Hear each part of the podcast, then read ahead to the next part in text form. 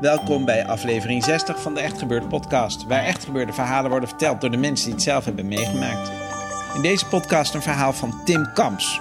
En het thema van de Echt Gebeurd middag was haat en wraak.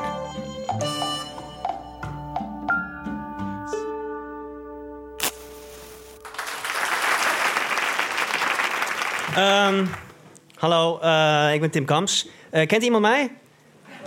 Oké. Ik ben cabaretier, een soort van. Eh, ik treed op met mijn broer nu. En ik, ooit was ik met z'n drieën, met Bor Royakkers erbij. Kent iemand dat? Oké, nee? Ja, ken je het? Vond je het leuk? Oké, heel leuk. Nou goed, uh, Kamps Kamps heten we. En we waren ooit begonnen in, uh, in 1998. Toen was ik uh, 16 of zo. Maar nee, dat was ik 21.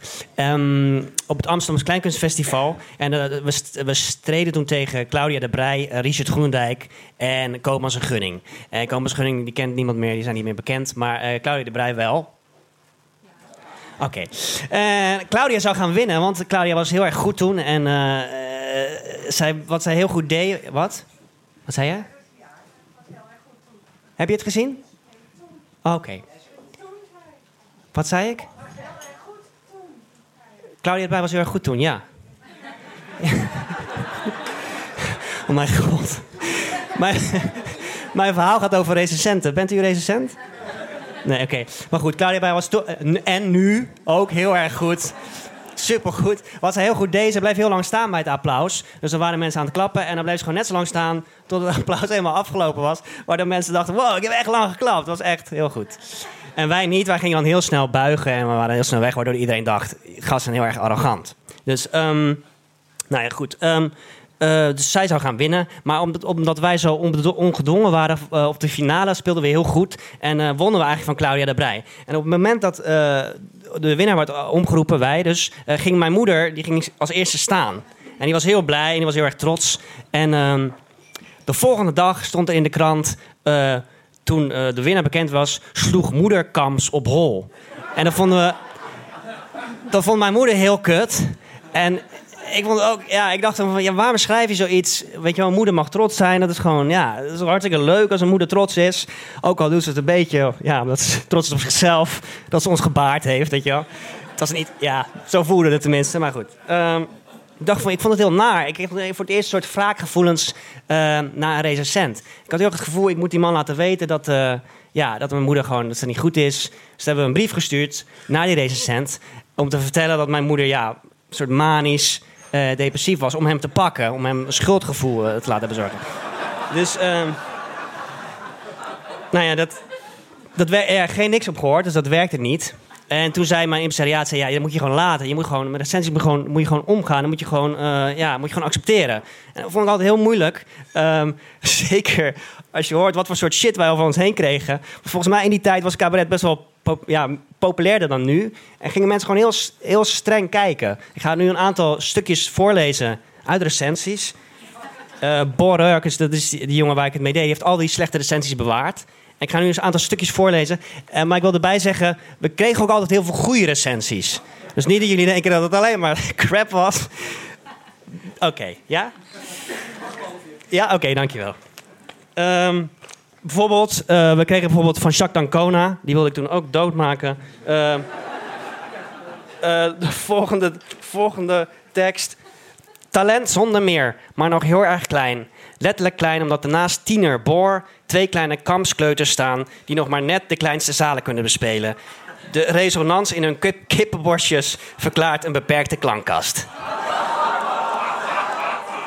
dat was gewoon heel hard. En dan denk je, ja, Jezus, uh, weet je wel, ik, ik, vind mezelf best wel goed. Dus je, je begrijpt het gewoon niet. Uh, dit, was de, dit was de kop van, de, van het stuk. Zelfgenoegzaam, smakeloos gezeur van Jong Cabaret Trio.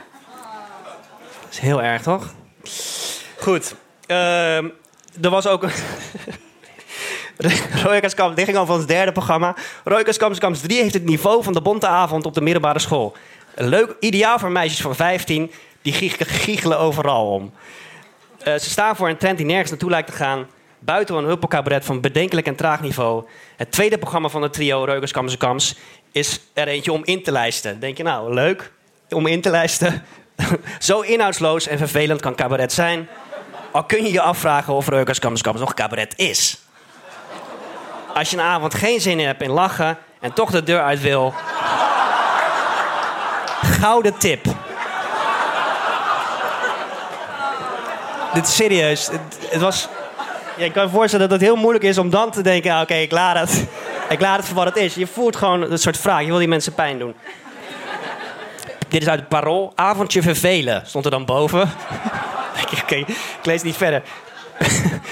En er stond op het eind... Meer lijken Royal Gams gemotiveerd te zijn... door een fascinatie voor slechte smaak... en de grenzen van verveling. Oké, nou goed. Dat was allemaal heel erg. Eh, de eerste keer dat we dachten we moeten wraak nemen... was eh, Henk van Gelder. Ik weet niet of mensen die kennen. Ja?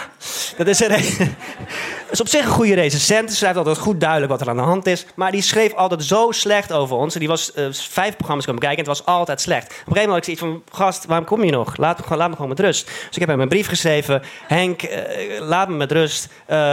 Kom niet meer. Uh, er is duidelijk sprake van een soort uh, uh, generatiekloof.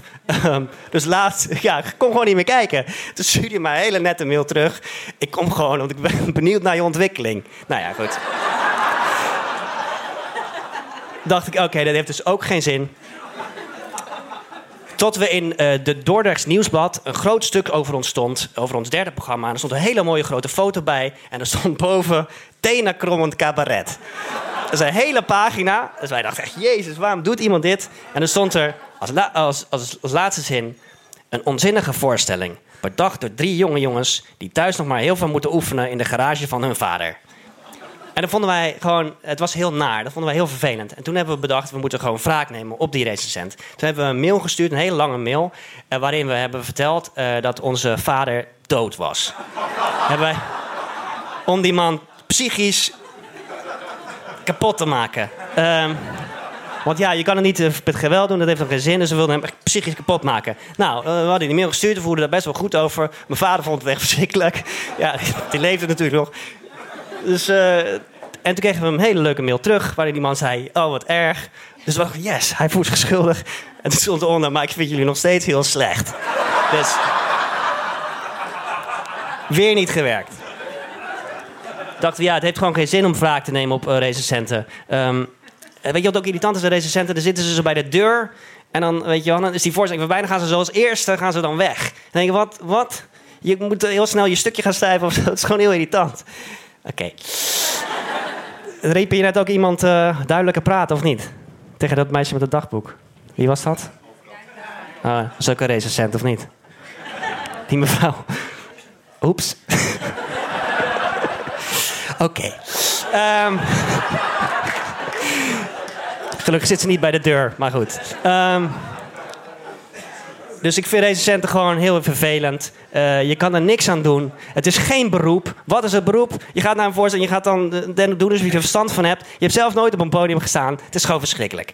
Maar goed, uh, dus ik dacht, nou, het heeft gewoon geen zin om vraag te nemen. Tot één avond, uh, de première van ons vierde programma. En daar was, voor de spits, was daar Blombacher. Ik weet niet... denk je, die naam denk je, oh, verschrikkelijk. Een of ander... Is, is ze er toevallig vanavond? Een of ander dom wijf. Uh, echt, je denkt, echt irritant, heel vaag. Want ik was op de première en dan stond ze aan de bar te drinken. En toen ging ik zo daar naartoe, dus dan zo te lachen. Zei ze, hey, je bent toch die jongen van de Ashton Brothers? Ik zei, nou ja, ik word wel eens vergelijken met Pepijn, omdat hij heeft dan ook blond haar en zo. Ik zei, nee, ja, dat was ik niet. Ik, je hebt me toch net zien optreden? Ze zei, oh ja, ha. Echt een super bitch. Toen wist ik nog niet dat ze van de spits was. Maar uh, de volgende dag stond dus een verschrikkelijk stuk, uh, ook in de spit, met een grote foto erbij. Dat uh, stond iets van uh, studentencabaret of zo, echt verschrikkelijk. Nou, dus toen dachten we, nou oké, we gaan weer wraak nemen op die Coromanda Blombacher. Want we hadden haar gegoogeld en we zagen een foto. En toen hebben we een mail gestuurd aan de... Dachten we moeten niet direct naar haar, want zij kan gewoon, dan, kan ze niks, dan kan ze gewoon iets terugsturen en dan is het klaar. We moeten naar de eindredactie van de Spits een mail sturen. En we hebben de eindredactie gemaild van de Spits dat ze heel erg dronken was op de première. Dat ze heel, uh, zich heel. verschrikkelijk had gedragen. Dat het, dat het schande was dat zo'n recensent in de zaal kwam en voor de spits kon schrijven. En toen is ze ontslagen! Yes! Zo zie je maar. Het kan. Tot ziens.